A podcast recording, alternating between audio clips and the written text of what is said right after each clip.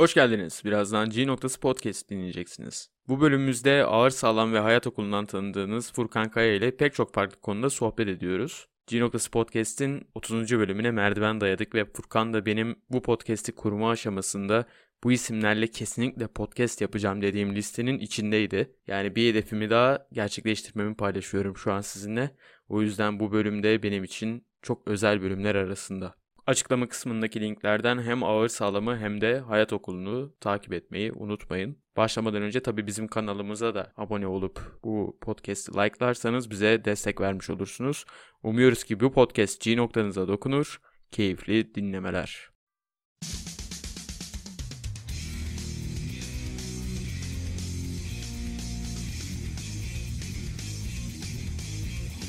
G noktası podcast başlıyor. 2, 1. Abi davetimi kabul edip geldiğin için çok teşekkür ederim. Rica ederim.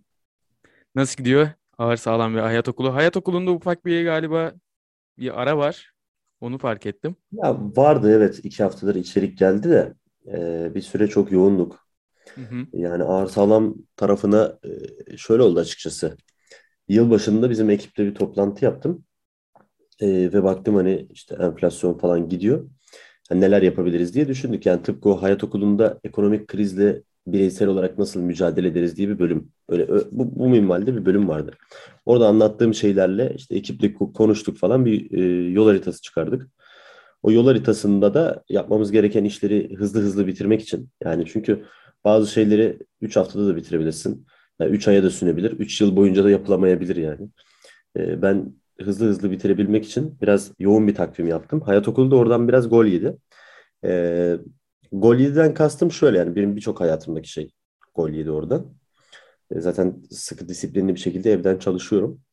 E, hayat Okulu'nda da böyle bir süre şey yaptım, ara verdim.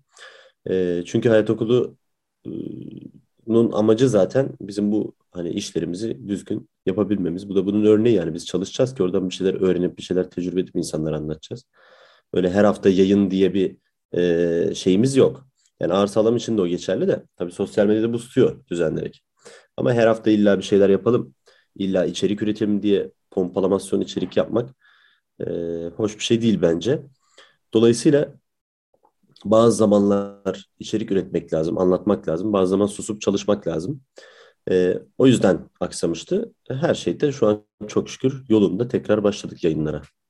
Evet o benim de kendim yaptığım bir şey. Yani her hafta podcast yapmaya uğraşmıyorum. Çünkü o zaman zorlama olacağının farkındayım. Mesela bu bölümden önce en son iki ya da üç hafta önce bir bölüm paylaşmışım. Ve hani koşuşturma yaşamadım arada. Hani bu bu hafta yapayım, bu hafta yapayım diye. Çünkü zorlama olacağını biliyorum. Ee, şey soracağım. Şimdi sizin kanalın zaten büyük, çok büyük bir kitlesi var.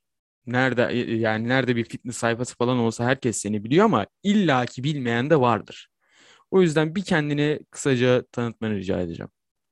Tabii e, ben 2014'ün sonlarına doğru ağır sağlama bir arkadaşımla beraber, üniversiteden bir arkadaşımla beraber kurmuştum. Asıl amacımız da ağır sağlamda hani kendi fitness maceramızı paylaşmak gibi diyeyim. Yani daha çok kendi antrenmanlarımızı paylaşmak ve biraz daha böyle goy goy niyetiyle yapmıştık. E, ama çok hızlı bir şekilde Türkiye'de insanların fitness gibi temel ve bireysel bir şeyde bilinçsiz olduklarını realize ettim ve bununla alakalı dedim hani bir şeyler yapmak lazım. Zaten bunu benim dememe bırakmadılar. Takipçiler de e, sorular sordular. Yani 40 yaşında bir kadınla e, 15 yaşında bir erkek bize aynı anda mail atıp soru soruyordu. E, içerik çok azdı ve sosyal medya e, daha çok sosyal medyada böyle how to içeriklerinin çok yoğun olduğu bir zamandı. Aslında onlar 2010'un öncesindeydi. 2005-2010 arası bu how to nasıl yaparım öğrenim öğrenme konsepti daha yaygındı. Eğlence falan daha çok hala televizyondaydı. E, Türkiye'de bu biraz daha geç geldiği için 2015'lerde hala e, insanlar eğitim amaçlı. Yani bir işleri varsa sosyal medyaya giriyorlardı. Yani çok tabii ki eğlence e, yine yoğun her zaman her yerden çok tüketilen şey ama çok da yoğun değildi. Şimdiki kadar ana akım değildi yani. E, sonra ağır sağlamda zaten işte bilgisayar mühendisliği okuyordum o dönem. E, sonra ağır sağlamda bunun insanlara nasıl bunu spor bilincini, tutkusunu geliştiririz e, diye kafa yorarken e, ürettiğimiz içeriklerle, rehberlerle ağır sağlam bir ansiklopedi gibi şu anda karşımızda duruyor.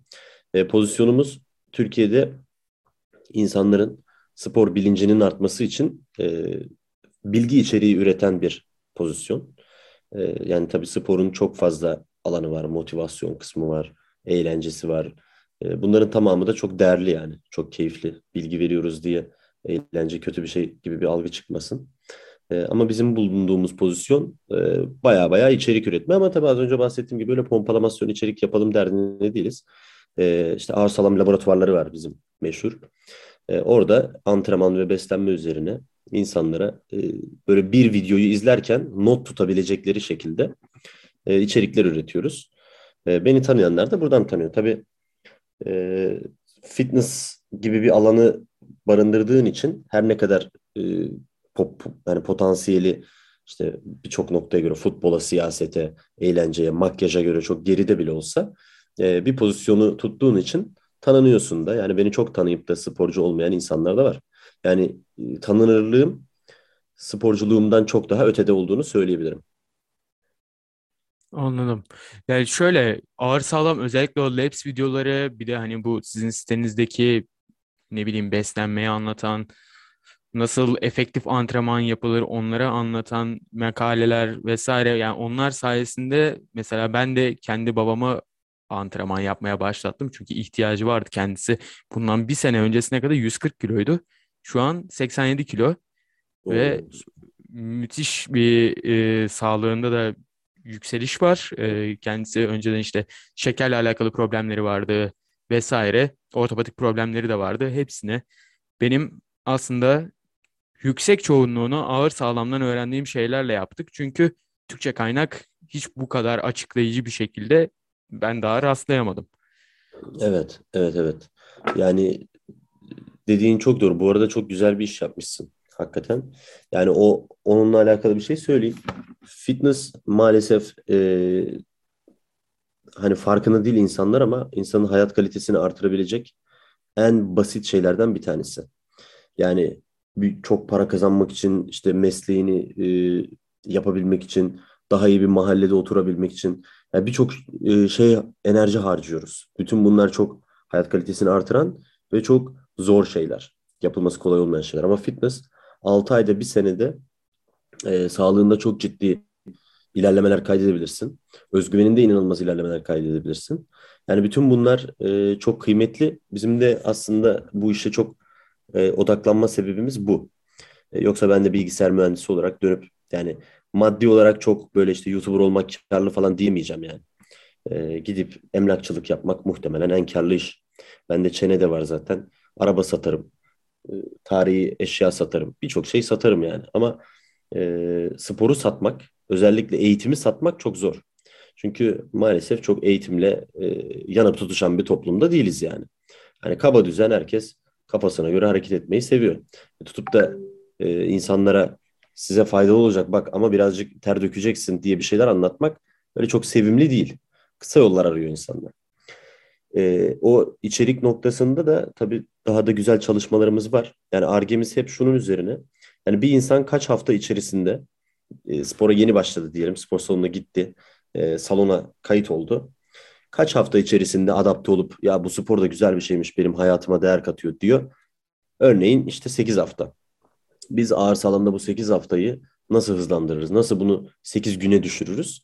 Ve bu insanın tabii bilinçlenmesi de lazım. Belki 8 haftada salona adapte oluyor ama sonra e, aylarca beslenmeyi öğreniyor, antrenmanı öğreniyor. Birçok işte vakit kaybettiğini, egzersizleri yanlış yaptığını falan fark ediyor. Bu süreçte diyelim 6 ay sürüyor.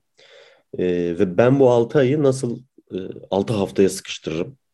Nasıl 16 güne sıkıştırırım? Nasıl hap gibi insanlara bunu verebilirim? Bunun çabasındayım. Dünyada da bunu düşünen tabii öyle çok fazla insan yok. E, ama var tabii. Yani İngilizce çok güzel içerikler var. Biz e, onlardan da iyi yapmaya çalışarak, bunu da Türkçe yapmaya çalışarak aslında kendimize e, güzel bir uğraş çıkarıyoruz. Ve yakında çok bu takvimimizde olan bazı çalışmalar oradaki geliştirmeleri de göz önüne sürecek.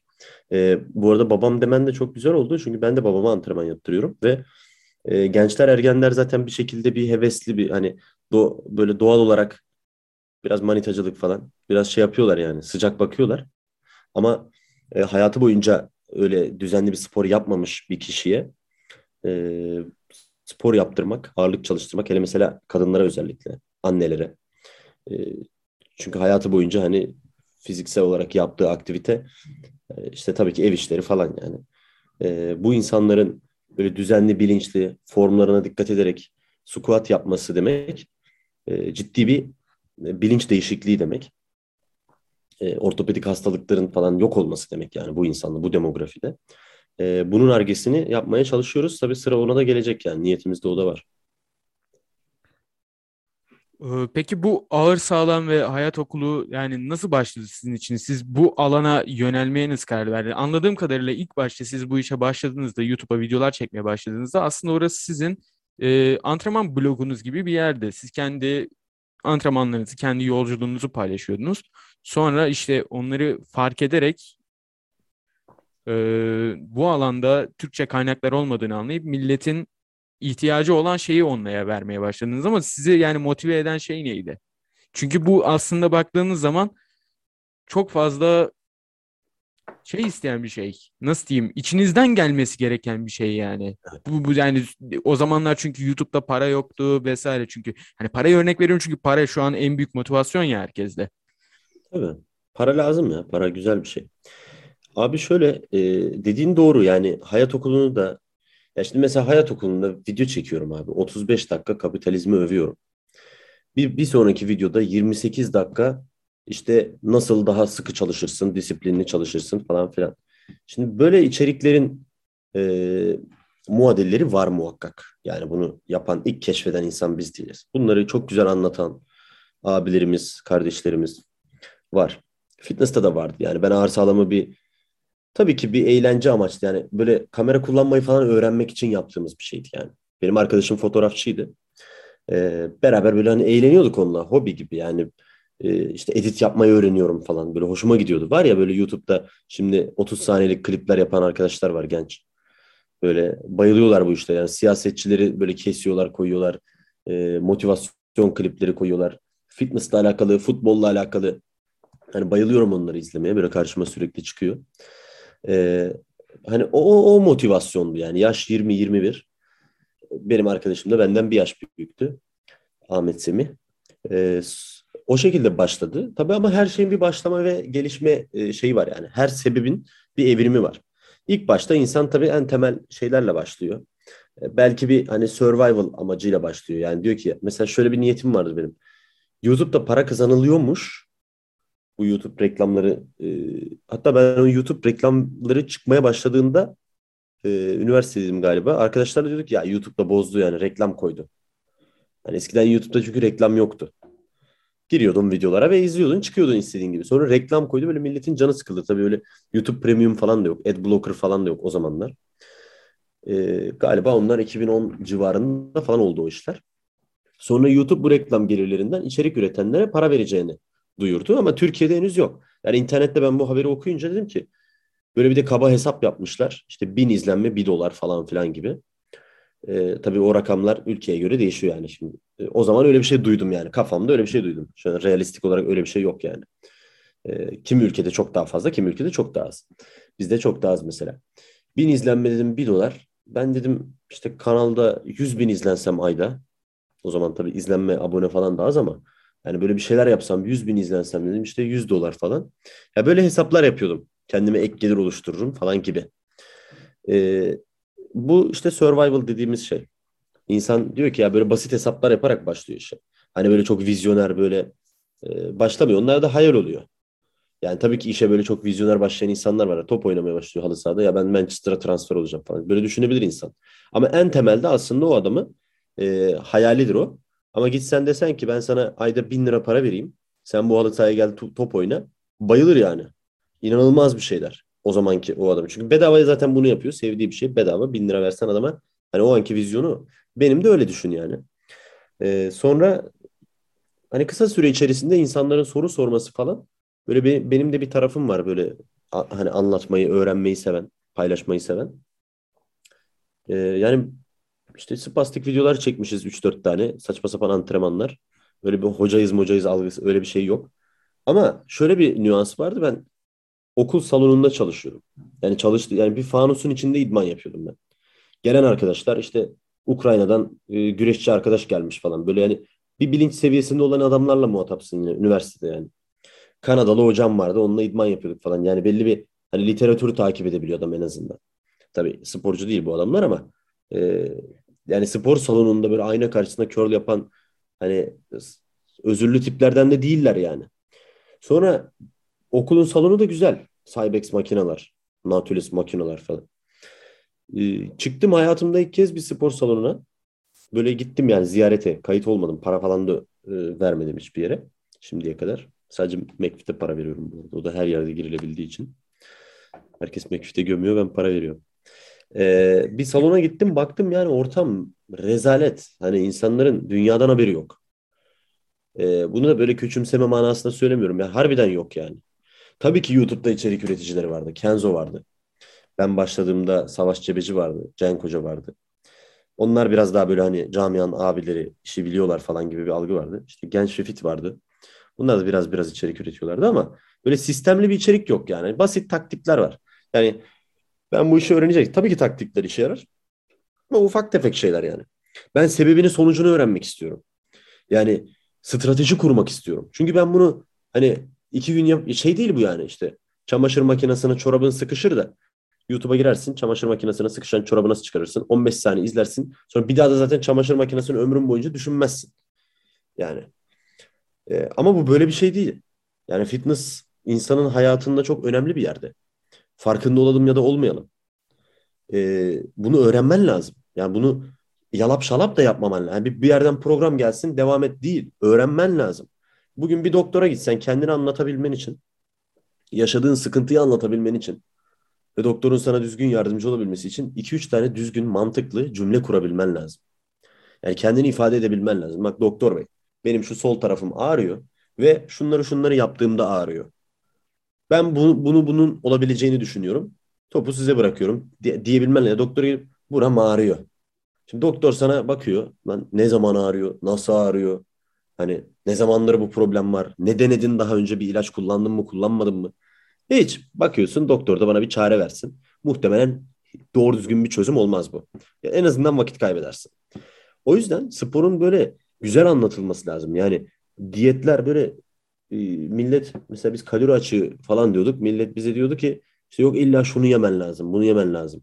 Önem sırasını e, çok gerilerde olan şeyleri çok önemliymiş gibi ön plana sürüyorlar. Buna bir de televizyonda konuşan zırtapozlar çıkıyor. Çıkıyor bir tanesi diyor lahmacun yiyin. Öbürü diyor bilmem işte patates doğrayın.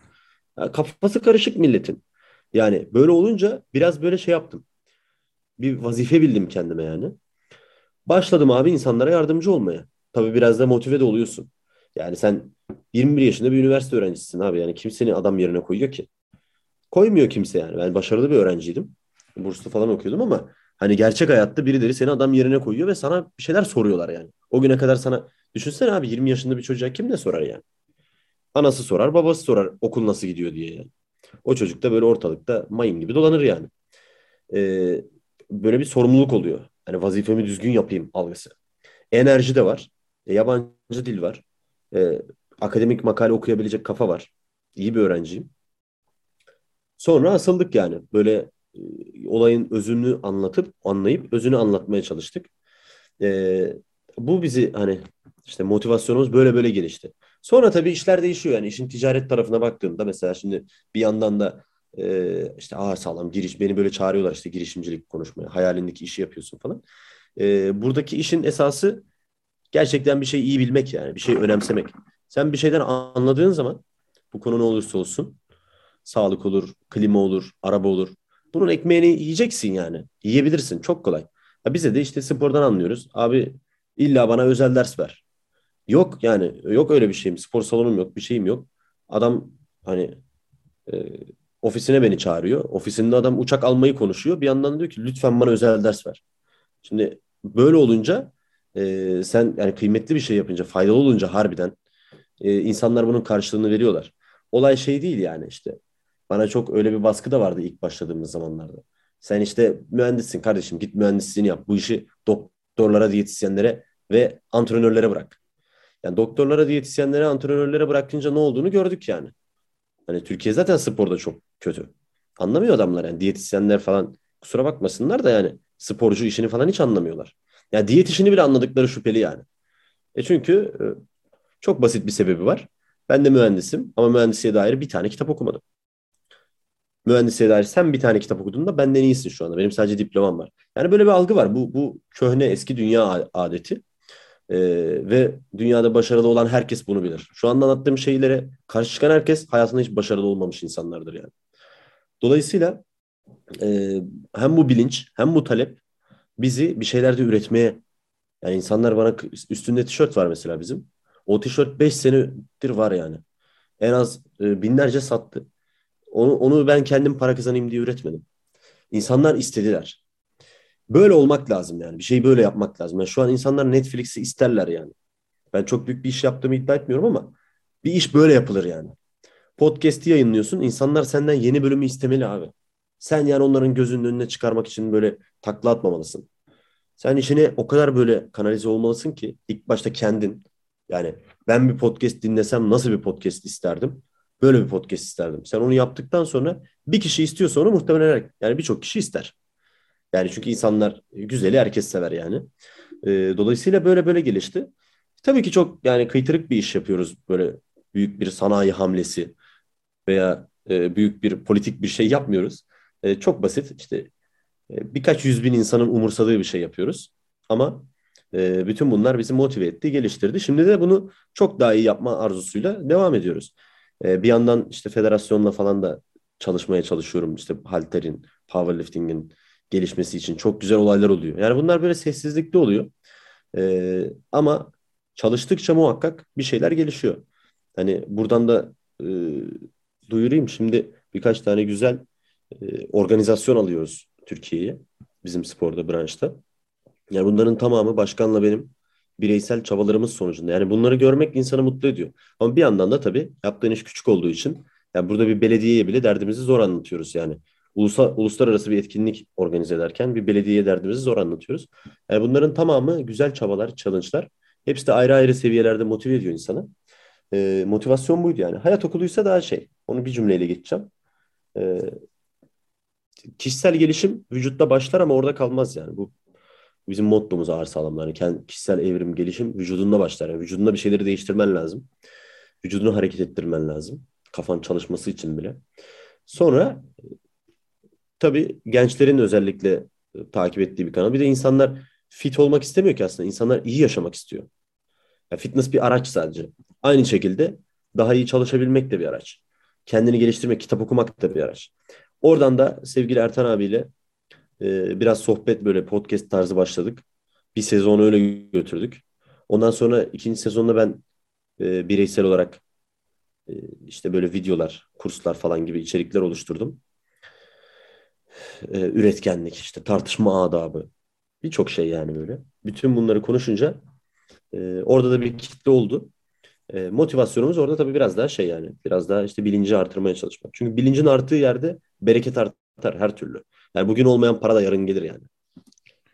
Vallahi o spor bilinci konusunda sana şöyle bir örnek vereyim. Şimdi ben burada bir kickbox okuluna gidiyordum. Ben normalde yani asıl benim yoğunlaştığım alan sporda dövüş sporları. Ve sene 2022 hala şimdi orada bir eleman vardı. Yeni gelen bir çocuk fitness'tan geçme. Ve iri de yani kollar mollar çocuk harbi güzel vücut yapmış. Zaten lise öğrencisi hormonlar falan tavan. Hakikaten çok iyi verim almış yaptığı şeylerden. Bizim kickbox hocası ona bile şey dedi yani doğru söyle protein kullandım falan gibi bir şey dedi. Yani devletin kickbox antrenörü bundan bahsediyor. Protein aldın değil mi diyor. Yani Çok çok çok rezalet bir durumdayız Ya gerçekten. Bunu doktorlar diyor ya. Bunu doktorlar diyor yani. Valla e, Berke ben şunu hani anladım ve anlayınca e, şoke oldum yani. Bunu anlayana kadar çok zorlandım. Ama e, ortalama bir adamın kendini geliştirme gibi bir arzusu yok abi. Yok. İnsanın bir gelişim ihtiyacı var. Kesinlikle var. Ama ben böyleyim diye herkes böyle değil. Ya ben bunu anlamakta çok zorlandım. e, herkesi tabii kendimiz gibi biliyoruz ya. Bu çok aslında şey de bir şey yani. Narsistçe bir şey yani. Çünkü herkesi kendin gibi biliyorsun yani. Senin sevdiğini sevecek, senin sevmediğini sevmeyecek gibi. Ama abi şu bir e, net net bir şey ki gelişmek, değişmek, daha çok öğrenmek her zaman faydalı bir şey. E, ama çoğu insanda böyle bir arzu yok. Yani o adamı sen bırak, 50 sene sonra geri gel. Aynı bıraktığın yerde kalır bak. Aynı bıraktığın yerde. Gram ileri gitmez. Ve e, değişiyorsa da modayla değişir yani. Hani artık ya elimizde şu telefon var ya. internet var, Instagram var. Yani artık herkesin var o yüzden. O adam bunu böyle araştırdı da bir ihtiyaç belledi falan diye de değil yani. Ee, bu acı bir şey bence. Benim dünya görüşüme göre bu acı bir şey. Yani boşuna yaşıyor insanlar bence yani. Vakit dolduruyorlar. Bu tip insanlar. Ee, ama öyleler. Ve bu adamlar işte doktor, diyetisyen, ıvır zıvır. Her meslekten var bunlardan. Bunlar da çıkıyor işte konuşuyorlar öyle. Ee, konuşsun tabii ki. Ben adamın konuşmasına karşı değilim. Ama gündemi belirlediğini zannediyor. İnsanlar da gün ona bakıp e, ona ona ayak uyduruyorlar.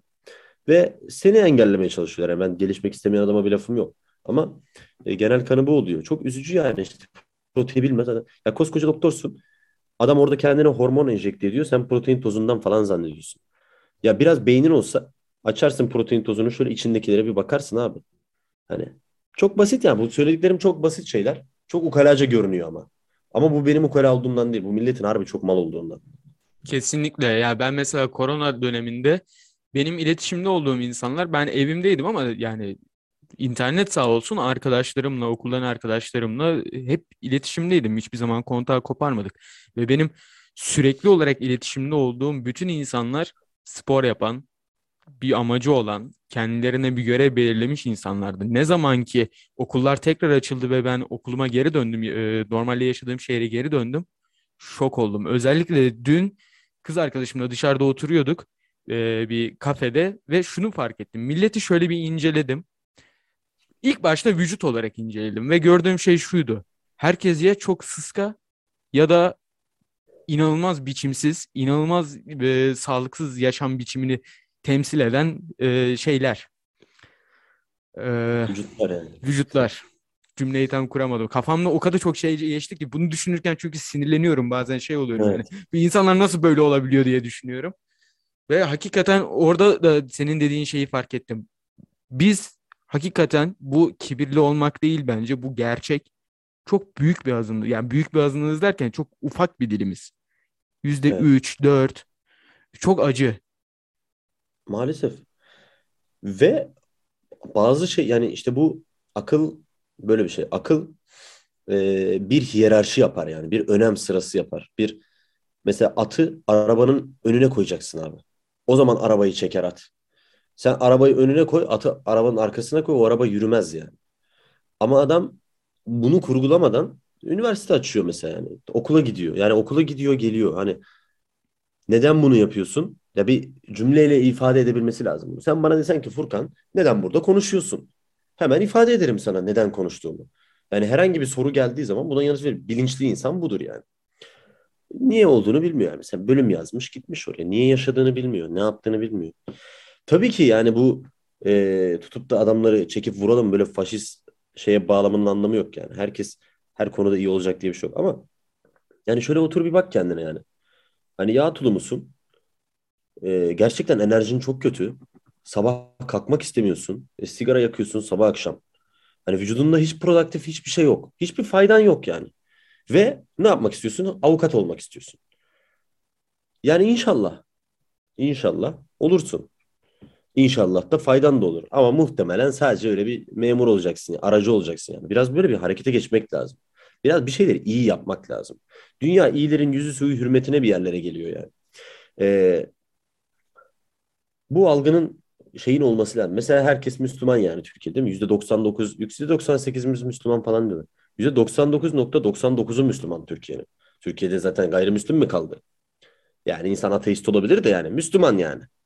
Kimlikte İslam yazıyor. Abi yani biraz bir aç bak o zaman ona yani ona bak. El alemin işte Hristiyanı, Protestanı demiş ki ya Allah beni güzel yarattı. Ben işte güzel şeyler yapmalıyım falan. Bizimkiler biz Müslümanız abi biz zaten cennet falan baba ne diyorsun ya bizim tabii ki falan. Böyle yapıyor yaslanıyor adam yani. Şimdi e, buradan bir şey çıkmaması çok normal. İnsanın burada ilham verici bir şey olmaması çok normal. E, bize demek ki il- ilham arpası fazla geldi. O yüzden işte şey yapıyoruz yani asılıyoruz bu kadar didiniyoruz ya. Ama hasbelkader yaşıyor millet. Evet yani bir amaçsızlık var. Şimdi biz böyle konuşunca hani dedin ya kibirli ve ukala anlaşılıyor. Hani aslında biz kendimizi üstün de görmüyoruz. Hani biz böyleyiz bizim bir amacımız var. Biz daha bilinçli yaşıyoruz falan. Hayır keşke herkes bizim gibi olsa. Keşke Biz olsun azınlık- keşke biz şey olmasak yani azınlık olmasak. Keşke herkes çok kaliteli yaşasa. Ama yani biz bunları anlatınca kibirli oluyoruz. Çok ilginç. Seninle tar- tartışmak istediğim bir konu var. Bu sen çok iyi bir okuyucusun. Bunu biliyorum. Çok da e, fazla sayıda kitap okuyabiliyorsun. Geçen seneydi galiba. Senin bir 50 kitap okuma şeyi mi vardı abi? Ya ben e, yani 2016'dan beri muhtemelen her sene e, belli bir yani minimum 20-25 kitap okuyorum. Hı hı. 2020'de galiba en çok okumuştum böyle 70 küsür 80 küsür bir şey okumuştum öyle hatırlıyorum. E, şu aralar biraz az bayağı işte işle ilgileniyorum ama e, yani bir 3-4 aydır pek okuduğumu söyleyemem. Hani bir kitap iki kitap anca bitmiştir. Hı hı. E, ama evet okuyor okumayı seviyorum. Çok seviyorum hem de. Ben de okumayı seviyorum ama ben okuma konusunda mesela inanılmaz seçici bir adam olmaya başladım. Ee, benim tartışmak istediğim konu şu. Yavaş yavaş şunu düşünmeye başlıyorum. Bence kitap okumak düşündüğümüz kadar da kutsal veya nasıl diyeyim bize istediğimiz şeyi verecek olan şey değil. Ee, çünkü benim gördüğüm kadarıyla insanlar biraz şey için okuyor, tüketmek için okuyor. Yani onlarda bir bağımlılık gibi oluyor. Dopamin e, salgılamak için okuyorlar. Mesela burada şu an önümde ne var? İşte e, Dost. Neydi o? De, de- Dale Carnegie. Ha. Dale Carnegie'nin o kitabı işte ne bileyim Thinking Fast and Slow var vesaire. Yani ben mesela kütüphanemin çoğunu dağıtmaya karar verdim. Çünkü almışım ve hani düşünüyorum ben bunu niye almışım? Bu benim bir işime yaramayacak. Ben bunu belki de bunun gibi 5 tane falan kitap okumuşumdur bu zamana. Ve neden ben bunun gibi 5 tane kitap okudum bu zamana kadar? Aynı seviyede para kazanmayı anlatan. Ne gerek var? Yani ben onu düşünüyorum şu an. Bence fazla kitap okumak bizim için çok da bir çözüm değil gibi geliyor. Yani bence çok fazla işimize yaramayacak şeyi okuyoruz. Şöyle söyleyeyim bununla alakalı. Sen tabii tartışmak dedin. Tartışalım. Ee, katılıyorum bu arada senin. Senin yani orada bir orada bir birkaç noktam var. Az önce de dedim ki ben okumayı seviyorum. Onu şöyle düzelteyim. Okumayı sevdiğimden değil. Kimse okumayı sevmez bu arada. Yani niye okumayı sevsin bir adam, bir adam abi? Bu şey gibi yani ben yorulmayı seviyorum. Ben çalışmayı sevebilir insan. Ama ne için sever? Çalışmanın çalışmayla kendisini geliştirmeyi, çalışmayla kazanmayı, çalışmayla işte kendini terbiye etmeyi falan sever. Yani o çalışma e, durumu herkes için acı bir şeydir yani. Kimse çalışırken böyle oh çalışayım falan demez yani muhtemelen. Çünkü hep can sıkıcı şeyler vardır onun içinde. Ee, okumak da öyle yani okumak bir yani zor bir şey. Vakit ayıracaksın. Sayfaları çevireceksin falan. Ama öğrenme tarafı güzel. Benim beğendiğim öğrenme tarafı. Ben kitap okumayı yani okumak için okumayı sevmiyorum. Kitabın kokusunu falan sevmiyorum. Öyle bir edebiyatları zaten hiç sevmiyorum. Ama skor kasıyorum kitapta. Neden? Şimdi birincisi eee, hayatta yani şöyle bir denklem yok yani. İşte 3x artı 5y artı 4z eşittir bilmem ne. Yani bu kadar tanımlanmış bir şey yok. Sen nasıl bir anlam çıkaracaksın? O o önemli. Sen kurallarını belirleyeceksin. Multifaktöriyel bir denklem var. Ve bu denklem de değişken bir denklem. Yani kimisi çok kitap okur ama bunları icra etmez ve tamamen onu daha da pasifliğe iter. Yani kitabı okudu diye çok da bir şeyden anlıyor zanneder kendini. Örneğin ekonomiden çok okur. Makro ekonomi, mikro ekonomi işte her şeyi anlar böyle bıdı bıdı bıdı bıdı konuşur. Gündemi de takip eder. Ama bir bak sen çulsuzdur yani.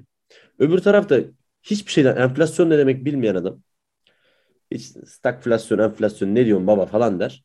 Ama girer, ortamı çok iyi koklar. İstediği zaman borsaya çeker parasını gider emlak alır. Onu çok güzel bağlar satar. iki tane araba alıp garaja kapatır ertesi sene pahalanınca satar falan. Yani adamda da bu, bu şey var. O ekonomiyi yaşıyor. Şimdi ama şu net. Yani diğer tüm faktörler aynı olduğunda öyle kontrollü bir deney yapalım. Okumak okumamaktan daha iyi. Yani öğrenmek öğrenmemekten daha iyi. Kitapların güzel tarafı kitaplar bilgiyi derli toplu veriyor. Bir YouTube videosu da sana çok güzel video işte bilgiler verebilir yani. Bir podcast de sana çok güzel bilgiler verir. Bazen kitaptan alamayacağın şeyleri verebilir. Çok daha hızlı bir şekilde. Yani bizi dinler adam burada. Aradan böyle bir şey onu, onu öyle bir tetikler ki. Yani kitap okusa anlamayacağı şeyleri alır. Ama e, bilgiyi derli toplu almak için e, ve kendine bazı şeyleri sürekli hatırlatmak, öğretmek için kitap okumak faydalı. Yani ben bunu nereden biliyorum? Çünkü ben e, hayatıma dair metrikleri tutuyorum. Kitap okuma grafiğimin yukarı çıkması demek benim hayattaki birçok e, şeyin işte finansal olarak, manevi olarak yukarı çıkması oluyor. Yani o kitap okuduğum dönemimi daha çok seviyorum bir insan olarak yani. O dönem daha seveceğim bir insan oluyorum. O dönem her şey daha rayında gidiyor. Ama kitap okumayı bir süre bırakırsam başka bir şey kanalize olduğum için veya tembellikten dolayı diyelim e, hayatımın biraz daha geri gittiğini görüyorum. Şimdi seçici olmak konusu da şöyle. Çok doğru seçici olmak. Yani bu işte Thinking Fast and Slow bilmem ne bazı kitaplar ben çok önerdiğim böyle bir yaklaşık 20 kitap vardır. Her her yerde böyle denk gelir çat yapıştırırım yani. Ee, bunlar birazcık şey yani. Bunlar bu işin amentüsü, ABC'si. Bazı kitaplar öyle yani. Bazı kültürler, bazı ekoller. Şimdi adam ben ekonomi konuşacağım deyince işte Adam Smith'i ve Karl Marx'ı bilmezse olmaz yani. Onlara dair en azından bir şeyleri bilmesi lazım gibi. Çok temel yani. O yüzden e, işte Dale Carnegie, Daniel Kahneman, işte bu adamların kitapları, eserleri biraz daha böyle e, oyun planını tanımlamak için şimdi düşünmeyle, öğrenmeyle, zeka ile ilgili bir şey düşünüyorsan hızlı ve yavaş düşünmeyi e, göz önünde bulunduruyorsun. İşte bir talebe zaten okula gidiyor, o kadar şey öğreniyor. E, bunları öğrenirken öğrenme mekanizmasını da biraz anlasa faydalı olur. O yüzden Thinking Fast and Slow'u okuyan birisiyle okumayan birisi tabii ki arada bir fark olur yani. Gerçekten okuduysa adam yani kapağı çevirmek var, okumak var. Ee, ama çok haklısın yani öyle yaşayan adamlar daha çok kazanırlar her zaman. Yani bir konuyu bir konuyu e, mesela ben şu an çok iyi bildiğimi düşünüyorum egzersiz bilimini. Ama e, vücudum kitap okuyarak gelişmiyor yani. Haftalık ne kadar idman yaparsan, ne kadar yeteneğin, genetiğin varsa, kendini sakatlıklardan ne kadar iyi koruyabilirsen, ne kadar enerjini, odağını ona kanalize edebilirsen, nasıl iyi beslenip zamanında uyursan böyle gelişiyorsun. E, sabaha kadar bil. E, durum bu ama e, yani ben şunu senin bu yorumu yapabilme sebebin okumuş olman zaten. Çünkü sen okumamış olsaydın ya bunu tahmin ederdin. Baba okumaya gerek yok falan diye tahmin ederdin. Ve yanlış bir tahmin olurdu. Çünkü okumaya gerek var. Sen zaten belli başlı şeyleri bildiğin için tekrar gördüğünde artık bana daha fazlası var diyorsun. Yani bir şeyi bilmeyen, deneyimlemeyen, en azından antitezini veya çürütmesini bir iki cümlede ifade edemeyecek birisi kitapları eleştirmesi enteresan olurdu tabii. Komik olurdu yani. Ama burada benim kastım tabii kitabı kutsallaştırmak değil, o öğrenme prosesleri. Kitap veya bir e, bir kurs olabilir. Adam kitap yazmaz da efendime söyleyeyim. 5 videoluk bir YouTube serisi yapar. Var böyle. Yani mesela geçen e, neydi adamın adı? Çok ünlü bir yatırımcı. E, yatırımcı var. Adı dilimin ucunu da unuttum şu an. Çok güzel YouTube kanalı açmış. Para da var zaten adam multimilyarder. Reklam basıyor onlara. İnsanları izletiyor hani toplum bilinci artsın falan diye. Animasyonlu falan filan böyle kitabını çok güzel 3 saatlik bir videoya sığdırmış adam. 3 saatlik videoda kitabını anlatıyor. Yani tutup da böyle e, edebiyat hocaları gibi ya işte kitap okumak kelebekleri uçurtur, kitap okumak işte güneşi çıkartır falan böyle laflar etmeyeceğim. Çünkü öyle yok, öyle değil. E, çünkü öğrenme insan var olduğundan beri vardı. Kitap kaç senedir var yani baktığında. Ama o yazılı kültürün bir getirisi de var. Çünkü yazamayan kişi e, iyi bir şekilde düşünemez e, iyi bir şekilde düşünebilmek için yazması lazım. Ama materyal farklı olabilir yani. O yüzden ben okumayı yazmayı çok kıymet veriyorum. Yazarak düşünüyorum mesela. Çünkü yazı başlı başına beyni düşünme tarzını değiştiren bir teknoloji. Burada uzatmayayım o muhabbeti de. E, böyle babadan dededen görme, görme ve tekrar etme, iyi bir gözlemci olma e, ile okuyan biri olma farklı şeyler. İkisinden de ihtiyaç var. Ya bence yüz, işin yüzde yetmişi o gözlemleme gözlemleyebilme becerisi. Ama o yüzde otuz da önemli. Hele bugün de bilgi çağında. Çünkü küçük küçük marjinler artık bize daha ileri ileriye götürecek. Sadece Nasıl yani? olmak Küçük küçük marjinler derken? Yani mesela şöyle düşün. e, ben ve Mehmet, Mehmet diye bir arkadaşım olsun. İkimiz de babamız marangoz. İkimiz de ma- marangoz çırağı olarak büyüdük. Tabii ki okuduk, ettik. Ama işte patates bir üniversitede okuduk. İşletme okuduk ikimiz de. Ve babamızın marangoz tezgahının başına geçtik. Peder de yaşlanıyor artık. İşleri biz devralacağız. Mehmet çok iyi gözlemci. Gerçekten el işçiliği çok iyi. Hızlı iş bitiriyor. Agresif enerjisi güzel. Ee, disiplinli bir çocuk. Öyle alkol, sigara bilmem ne, geceleri sabahlama, kumar falan yok. İşinin başında ve bir hedefi var. Babasının işte marangoz dükkanını hani Avrupa'ya böyle güzel bir şeyler yapıp satmak mesela. Ben de aynı şekilde. Ben de disiplinliyim. Ben de öyle böyle. Ama abi ben de ekstradan bir de ben de Avrupa'ya açılmak istiyorum. Ekstradan bir de bende okuma yazma var. Okuma yazma derken iş dünyasında mesela iş dünyasının okuma yazması nedir abi? Excel tutarsın. ERP kullanırsın. Ne bileyim bir iki danışanla teknoloji, dijital teknolojileri kullanırsın. Ben otururum mesela bir web sitesi yaparım. Mehmet devam eder. Yine çok iyidir sıcak satışta. Dükkanına geleni çok iyi bağlar. İşte tedarikçilerini çok iyi bağlar. Ama ben abi bir web sitesi açarım atarım kenara. Sosyal medyayı kullanırım biraz. Bir plan program yaparım. Bir iletişim uzmanı alırım mesela. Şu iletişimin kıymetini okurum. Ve bir iletişim uzmanı alırım mesela. Her ay ona maaşını indiririm. Ama o benim marka imajımı güzelleştirmeye başlar. Uzatmayayım. Sistemler kurarım. Ne aldığımı, ne verdiğimi. Mesela Mehmet sözle çalışır abi. Mehmet gidip Ahmet'ten alışveriş yaptığı zaman baba sen deftere yaz falan. Böyle takılırlar. Ben her şeyi sistemli, kayıtlı, kuyutlu, grafikli, analizli yaparım abi. Bir süre sonra benim muhasebem daha titizdir. Benim işletmem daha düzgündür. Ben daha e, büyük bir iş yapabilme kapasitesine sahip olurum mesela. Aslında dışarıdan baktığında bunu göremezsin. Dışarıdan baksan hatta dersin ki Mehmet daha pratik adam. Hmm. Mehmet daha hızlı adam. Mesela bugün bir e, şey dinliyorum. Politikacıyı. Dedik ya Türk Türk girişimcisi dedi çok çalışkan. Türk girişimcisi mesela dedi İngiltere'ye gitsen, Almanya'ya gitsen işte senden yüklü mal alacağım desen adama pazar günü çıkıp seninle toplantı yapmaz. Baba pazartesini bekle mesai saatinde görüşelim der dedi. Aynen bu örneği verdi.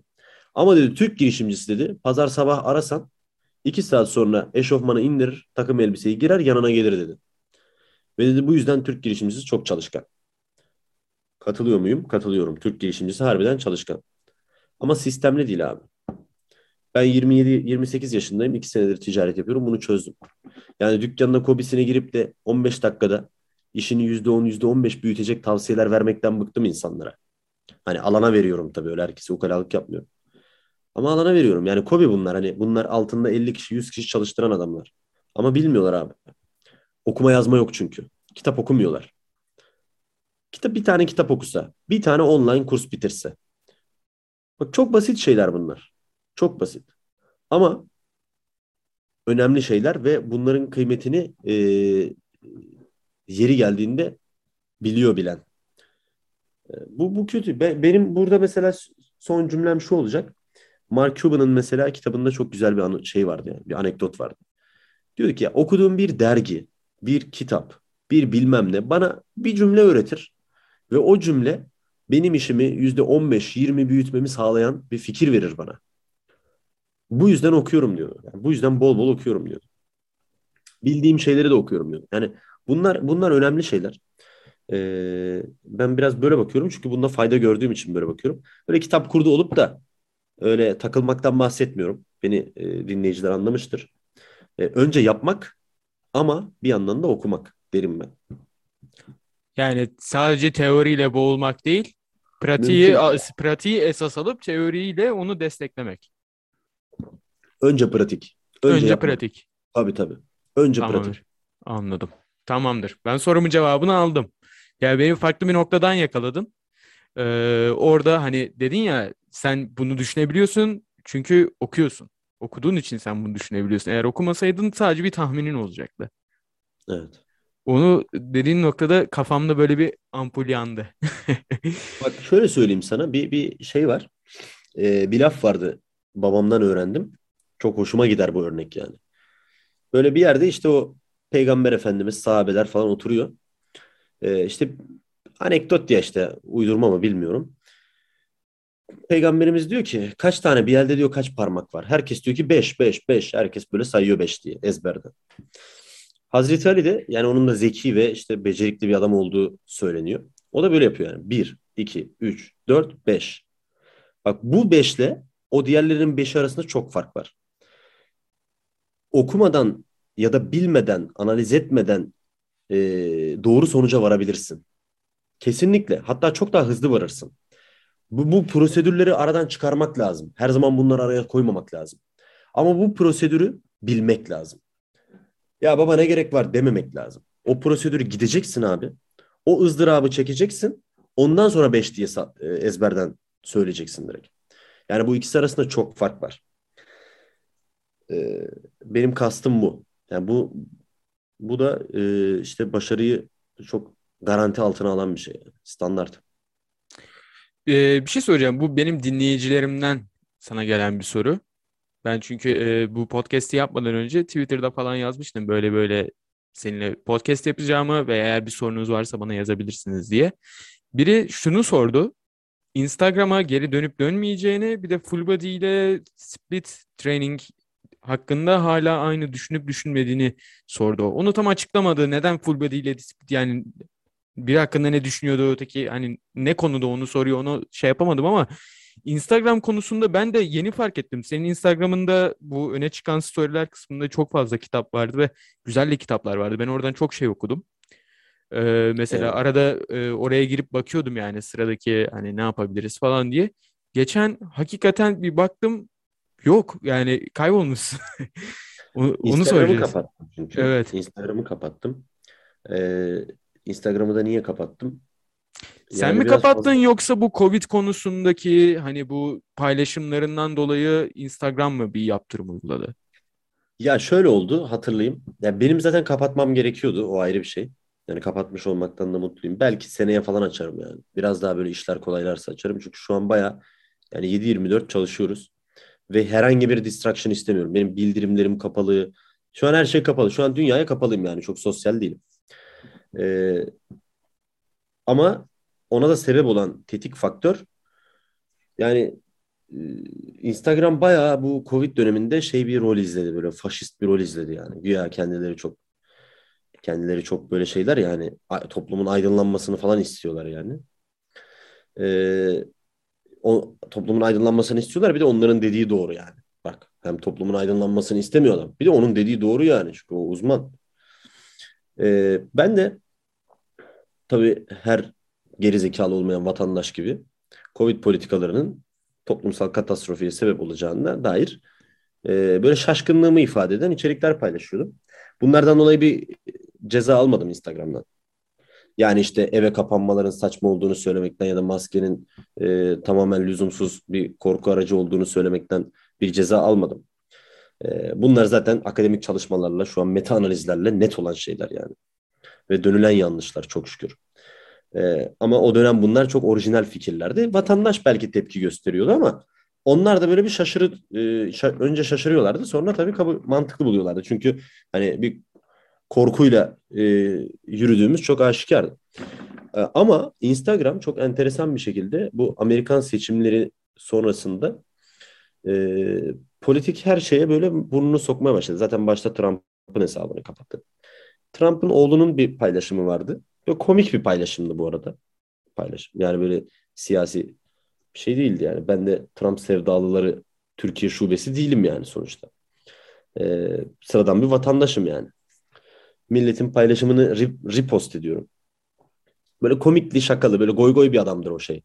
Ee, biraz troll bir çocuktur o. Çocuktur Trump, dediğim Trump'ın oğlu.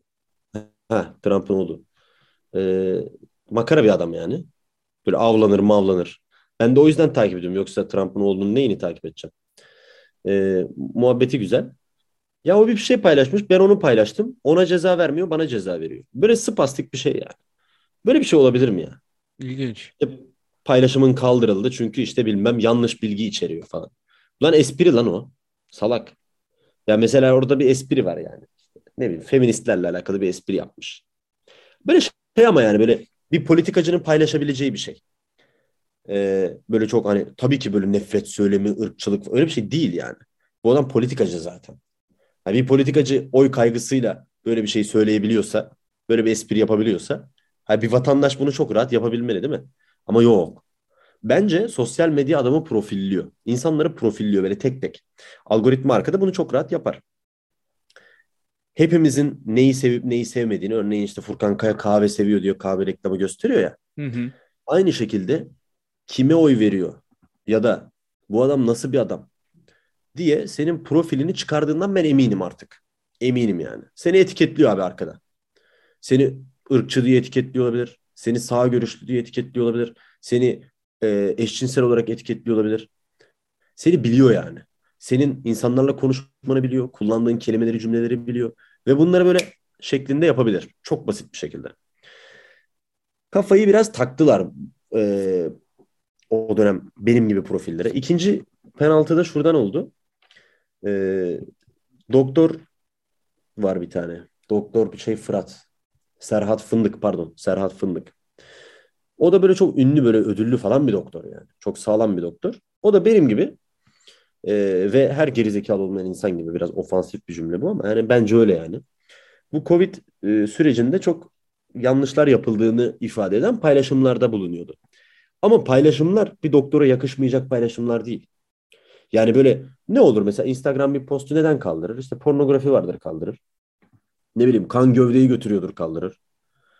Yani ben kırmızıyı seviyorum diye bir şey paylaşırsan Instagram bunu kaldır kaldırabilir mi abi? Yani sana sorayım sence bunu kaldırmalı mı ya? Ben kırmızı seviyorum dedi mesela. Saçmalık. Değil mi? Saçmalık yani. Çünkü insan eşiyle dostuyla kırmızıyı sevdiğini paylaşmak için orada. Yani ben kırmızıyı seviyorum diye. Ben evde oturmak istemiyorum diyebilirim yani. Evde oturmak yanlış bence diyebilirim mesela değil mi? Bu dediğim yanlış olsa bile diyebilirim de değil yani. Ondan zaten çok eminim. Dediğim doğru bir bilgi. İsterse 10 tane doktor bilim kurulu vıdı vıdı desin yani. Benim umurumda değil çünkü ben dataya bakıyorum. Bilim kurulu dataya bakmıyorsa ya da başka siyasi bir çıkarı varsa arkada benim umurumda değil ki. Ben onu taklit etmek zorunda değilim yani. Ya bugün o evde oturmamızın bedelini ödüyoruz tüm dünyada enflasyon olarak. Ve Evet. hiçbir sıfır yani. Sıfır hayat kurtarıldı. Çok gerizekalı bir şeydi o yaptığımız. Bir kitap var. E, ismi çok uzun da böyle. Ha, şöyle bir şey çok meşhur bir kitap. Kitap da bir ansiklopedi gibi bir şey. Tarih boyunca toplumun e, işte Madness of Crowds. Madness of Crowds kitabın adı. Toplumun yaptığı böyle ahmaklıklar, aptallıklar böyle hani sürü psikolojisiyle yaptığı saçmalıkları tarihsel olarak analiz ediyor. Hmm, Abi güzelmiş.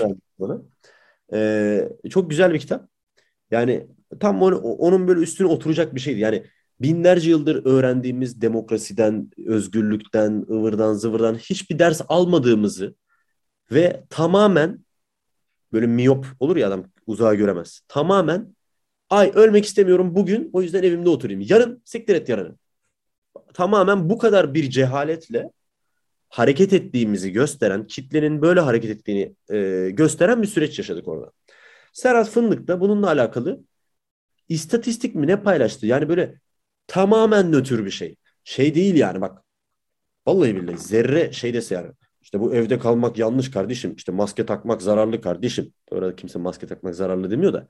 Yani maske takmayın gerek yok falan da demiyor adam yani. Böyle riske atılabilecek hiçbir şey yok paylaşımında adamın. Ama adama takmışlar. Belli ki böyle manuel kontrolleri de var onlara. Ya zaten manuel kontrol var. Öyle algoritma falan bir şey yapmıyor abi. Yani çok bariz olmadığı sürece algoritma bir şey yapmıyor. Baya baya e, manuel kontrolle toplumu yönlendirme var sosyal medyada.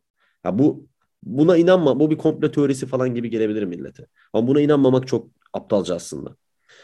E, o dönem tıpkı Amerika'da Trump'ın e, seçimi kaybetmesi için çok yoğun bir şekilde çalıştıkları gibi.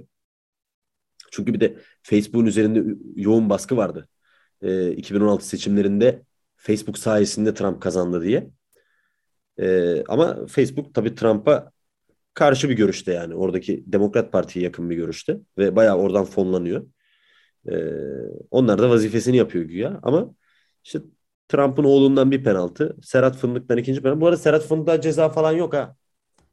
Şey gibi ya işte bizim e, bizim hükümetimiz sayın asrın lideri yapıyor ya.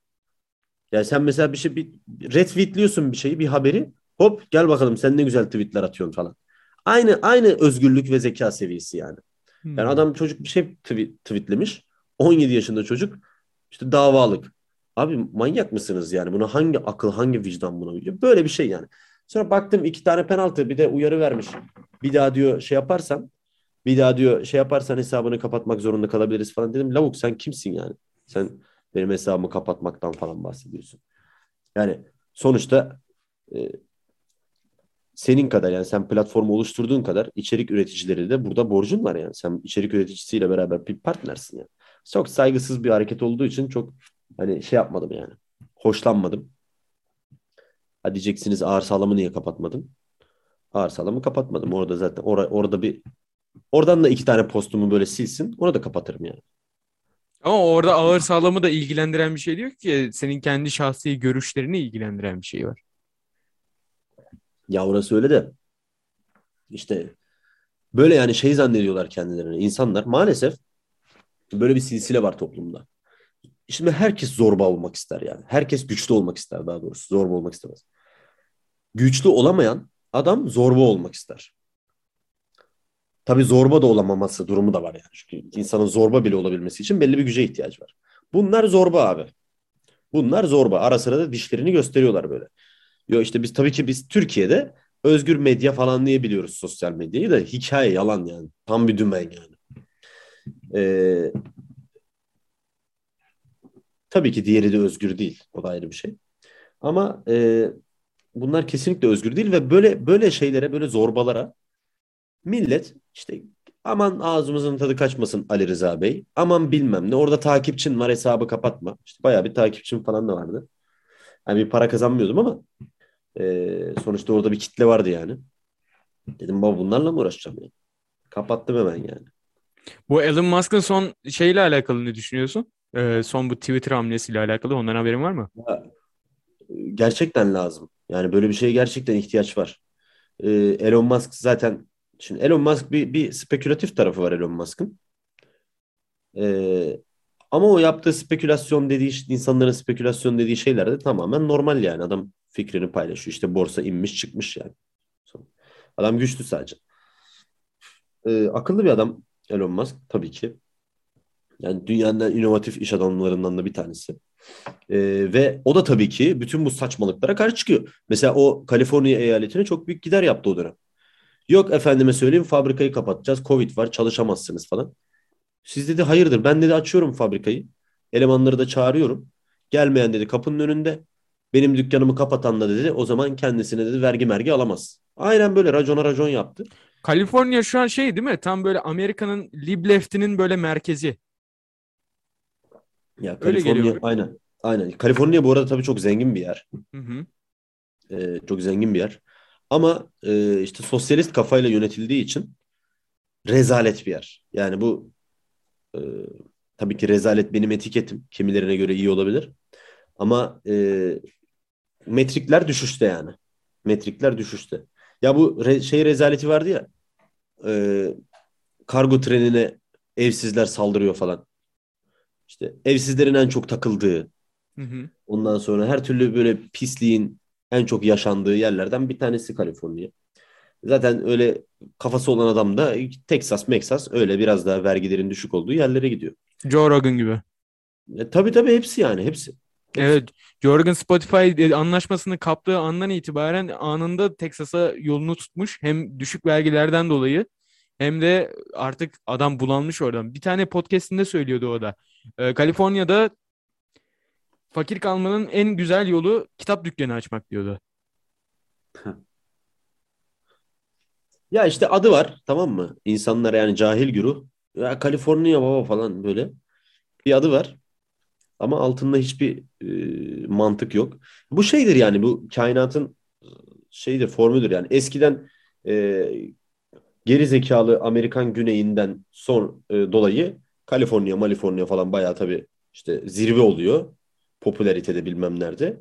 Sonra bunlar geri zekalı olmaya başlıyorlar. Diğerleri daha devrimci olmaya başlıyor. Mesela e, Türkiye'deki tırnak içerisindeki aydınların haberi yok dünyanın da şu anda yeni akım, yenilikçilik şu an mesela e, ulusalcılık daha yeni. E, milliyetçilik daha yeni mesela. Enteresan bir şey bu. Ben milliyetçi bir adam da değilim yani öyle o manada. Yani ortalama bir milliyetçiyim yani. E, ama milliyetçilik şu an yeni moda. E, mesela özgür düşünce şu anda 100 sene önce özgür düşünceyi, düşünceyi savunanlar tarafından baskılanıyor. Doğru. Ha- hayatın böyle hayatın böyle enteresan cilveleri var yani. İlginç.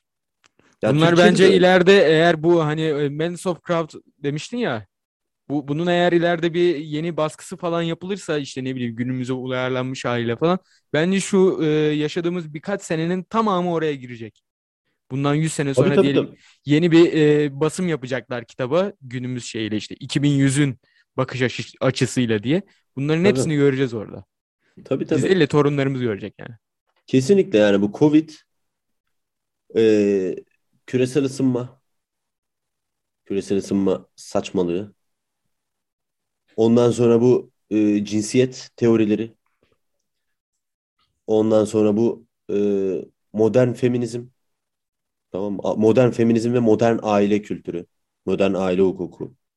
Bütün bunlar o İstanbul Sözleşmesi ıvır zıvır onlar da dahil yani. Bütün bunlar e, tabii ki şu anda yükselen trend. Tabii ki bunlar artık normalize olacak. Yani bunlar normalize olacak. Ama bu da tabii ki kendi antitezlerini üreterek insanları biraz daha makul noktaya işte getirecek yakında ama e, bunların bu kadar popüler olması, bu kadar böyle alkış, alkışlanması, desteklenmesi biraz enteresan yani. Çünkü faydacı olur değil mi bazı şeyler yani? Hani biz böyle tarihi hep öyle okuyoruz yani. İşte zorbalar var ve yenilikçiler o zorbalara işte bir şekilde galip geliyorlar ve dünya daha da böyle özgürleşiyor. Hep öyle bildik yani tarihi. Ee, aslında tam olarak da öyle değil yani. Böyle bir ilerleme muhakkak var. Ama kendi içinde hep böyle dairesel şeklinde. Şu anda onun enteresan dönemlerinden bir tanesi. Yani Instagram'a Instagram değil sadece birçok platform böyle. Spotify, Joe Rogan olayı bak. Spotify Erol- biraz daha sahiplendi ama yani Joe Rogan'a bayağı bir sahip çıktılar. Bir zahmet yani. Bir zahmet. Çalışanlardan benim bildiğim kadarıyla çok büyük protesto geldi. Spotify'ın kendi çalışanlarından. Ee, beyaz yakanın ayrı tripleri oluştu. Beyaz yakaya bir gün ayrı bir incelemek lazım yani. Beyaz yakanın ayrı bir tribi var. Yani devlet memurları, avukatlar, doktorlar, her, her mesleğin tabii ayrı tribi var. Bu beyaz yakanın da böyle bu plaza çalışanının ayrı bir tribi var bunların da. Bunlar da böyle enteresan adamlar yani. Ben böyle çok komik buluyorum yani. Böyle toplantılarda falan böyle bazen hani yeri geliyor e, gülüyorum yani. Çünkü beyaz yakayla çok muhatap oluyorum ya. Enteresan tipler yani. NPC gibi geliyor bazıları ya şey yani kendi zihni yok, kendi beyni yok. Ona böyle dayatılan birkaç tane düşünce var. O moda olan düşünceler. İşte modern feminizmdir, Black Lives Matter'dır vesaire. O da onları takip ediyor.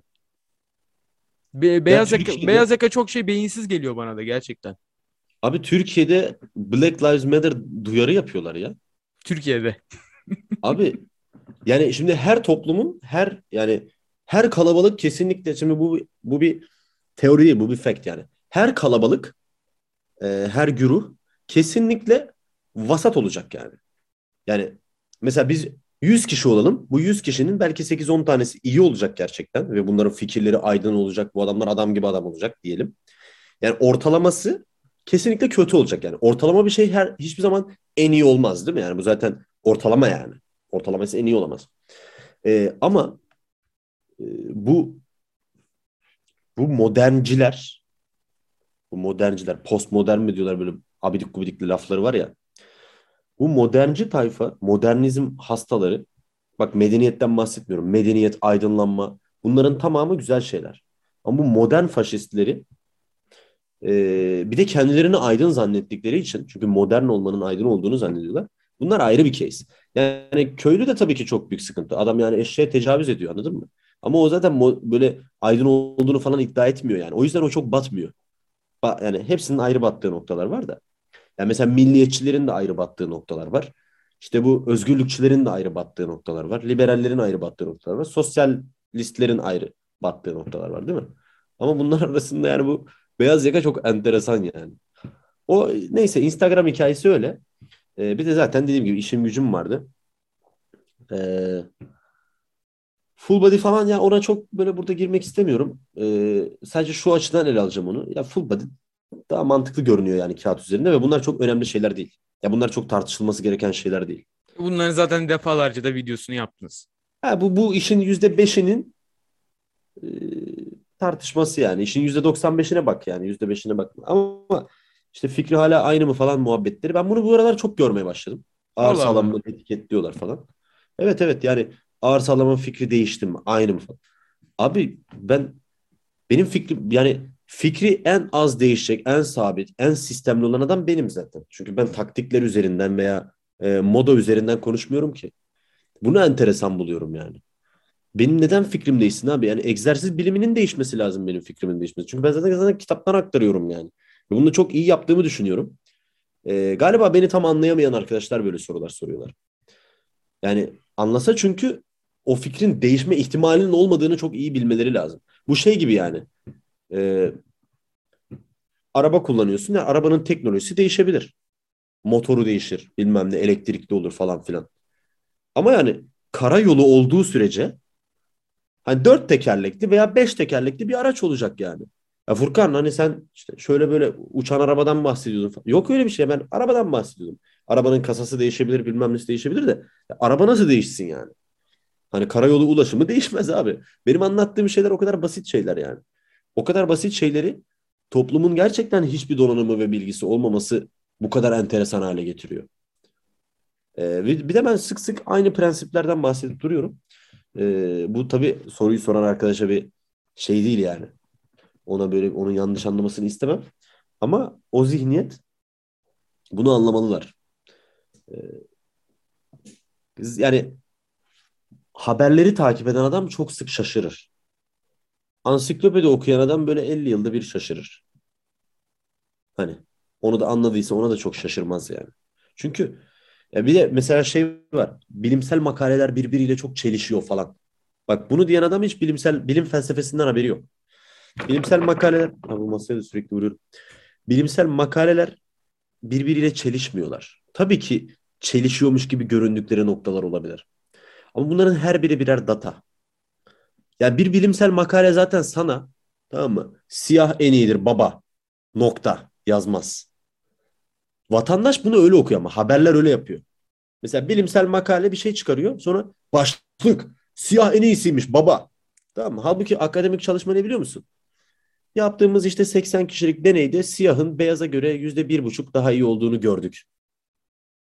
Bu durumda işte siyah şöyle denebilir falan. Akademik çalışma bu kadar böyle masum takılıyor. O iddiayı yapan o haber başlık. Siyah en iyisiymiş baba. Beyaz giyenler tam bir süzme geri zekalı baba falan. Haber böyle atılıyor. Ertesi gün başka bir çalışma diyor ki şu şu şu kişiler için yaptığımız çalışmada yani diyor zaten şöyle başlıyor makale. İşte önceden bilmem neyin makalesindeki gibi işte beyazın bir buçuk daha iyi olduğunu yüzde bir buçuk daha iyi olduğunu e, gözlemlenmişti. Şimdi bunu şu açıdan teste soktuk ve şu şu şu kişilerde bunu deneyimledik ve baktık ki beyaz yüzde bir buçuk daha ya da yüzde üç daha iyiymiş ama şu şu şu kişiler için. Şimdi bunlar birbiriyle çelişen şeyler mi? Bence değil. Bunlar birbirini destekleyen şeyler. Valla Çünkü- bahsettiğin şey var ya hani o şey e, beyaz en iyiymiş baba. Valla gerçekten irone, irrasyonelliğin dibi. Ve bizim Aynen öyle. toplum bunu inanılmaz yapıyor. Aynen öyle. Aynen öyle. Çünkü adam bir veya sıfır diye düşünüyor. Evet. Sebep sonuç ilişkisi kurmuyor ki. Yani o, ona bir şey vereceksin o tutacak onu. Ya mesela video çekiyorum. Intermittent fasting yapmanın faydaları tamam mı? Ya bunun faydaları var mı? Var. Ertesi videoda da diyorum ki şu şu şu kişiler intermittent fasting yapmasın. Bu arada bunu böyle ortalığı karıştırmak için değil. Vallahi çok güzel anlatıyorum yani. Bence çok güzel anlatıyorum yani. Bir insanın gerçekten ağır sağlam çelişiyor ya da bunu iyi anlatmamış falan demesi için böyle hani tekelle izlemesi lazım yani. Ama Başka hemen yol yoruma yok. şey geliyor değil mi? O Furkan ne oldu? Geçen videoda intermittent fasting övüyordun. Bilmem ne Abi, falan oluyor. hemen. Hani o kadar anlamıyorum ki. Mesela şöyle bir şey demişim yani. Şöyle bir şey demişim. Abi kilo almak isteyenler siyah giyinsinler. Başka bir video yapmışım. Kilo vermek isteyenler de beyaz giyinsin demişim. Tamam. Abi hani beyaz giyinecektik, hani siyah giy- Adam böyle kavga ediyor. Yani hiç mi cümleye bakmıyorsun? Yani hani almış beni direkt tapmaya başlamış baba. Tamam siyah tamam. Ben, susun abi başka bir şey dinlememe gerek yok. Ben sadece siyah duyacağım. Siyah siyah siyah siyah. Böyle adam. Adam böyle yemin ederim böyle. Yani şimdi bu benim ben bunu lehime kullanabilirim. Tamam mı? Kült oluştururum. Lehime kullanırım. Bunu Evet. ticari emellerime alet ederim. Yok anasını satayım. Bende de bir vicdan var işte bunu yapamıyorum ya. Doğru. Enteresan. Ağır, ağır sağlam yani o kadar kalabalık bir topluluk ki ona dönüşebilir de eğer gerçekten Ya bir de ne var biliyor şey musun? olsaydı. Bak Berke bir de şu var. Adam mesela geliyor saçma sapan bir yorum yazıyor. Ya, Anlatmaya çalışıyorum kendi çapımda. Bak diyorum şu sebeple şöyle bu sebeple böyle. Ama adamla aynı fikirde değilim. Tamam aynı fikirde değilim yani. O siyah diyor ben beyaz diyorum. Ama anlatıyorum yani şu yüzden beyaz bu yüzden siyah olması da mümkün değil falan diyorum. Tamam. Şimdi buna nasıl bir yanıt beklerim? Ben şuna, buna şöyle bir yanıt beklerim. Baba senin için bu doğru olabilir ama bence benim dediğim benim amaçım için daha uygun. Ya da senin dediğin bence yeterli e, net değil. Hani bence senin de fikrin değişir diyebilir. Ya da bak şu şu datayı eksik düşündün ya da sen şunu görmezden geliyorsun falan diyebilir değil mi? Mantıklı bir yanıt verir sana. Adam diyor ki abi diyor ben senin diyor işte 5 yıllık takipçinim diyor. Bana niye kızıyorsun diyor. Bak bak ben seni seviyorum diyor. Bu orada var ya böyle orada bak orada gerçekten Orada gerçekten kızıyorsun.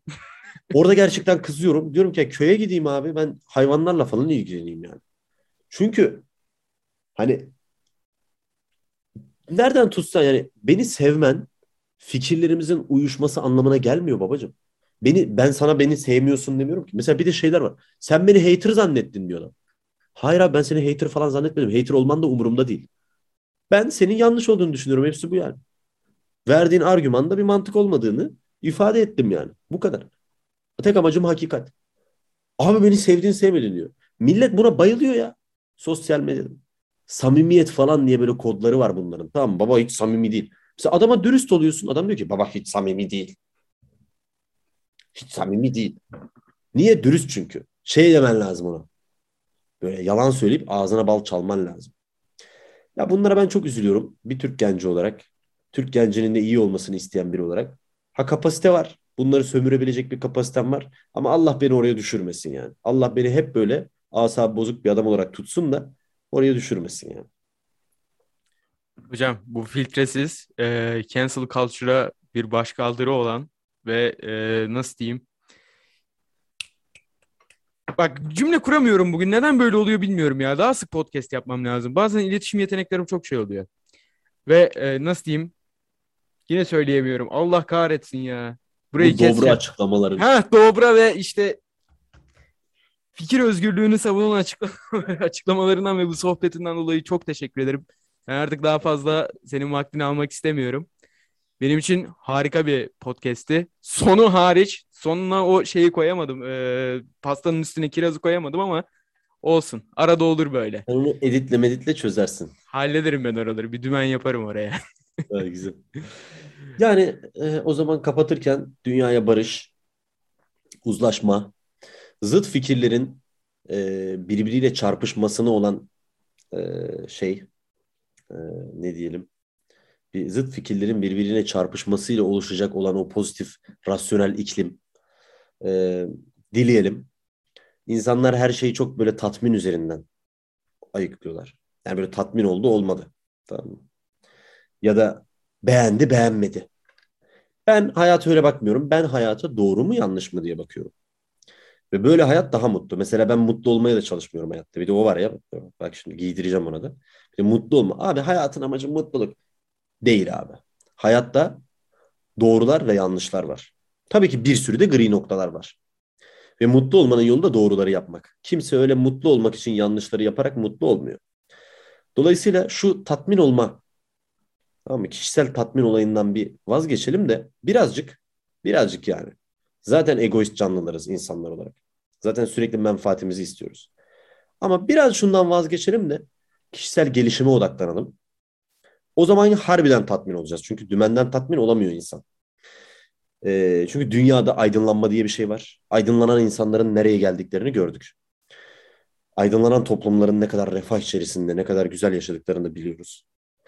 O zaman madem ülkemiz bu kadar sıkıntılı, yolda gördüğün 10 kişinin 10'u da her gün ekonomik sıkıntılardan, sosyal sıkıntılardan, insanların işte sıkıntılarından bahsediyorlar.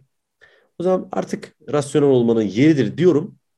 Ee, ama tabii buna inanıyor musun dersen yok buna inanmıyorum. Çünkü e, enteresandır. Sıkıntılar akıllı adamları daha akıllı yapıyor.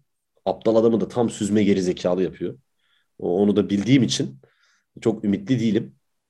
Ama e, çok şükür e, ağır sağlam tayfa için, kendini geliştiren, basan ve okuyan tayfa için e, her şey her zaman daha güzele doğru gidiyor. Biz yeter ki egomuza yenik düşmeyelim. Durum bu. Mesajımız budur. Bayanlar baylar. G noktası podcast'in 29. bölümü bu şekildeydi. Bir sonraki bölümde görüşmek üzere.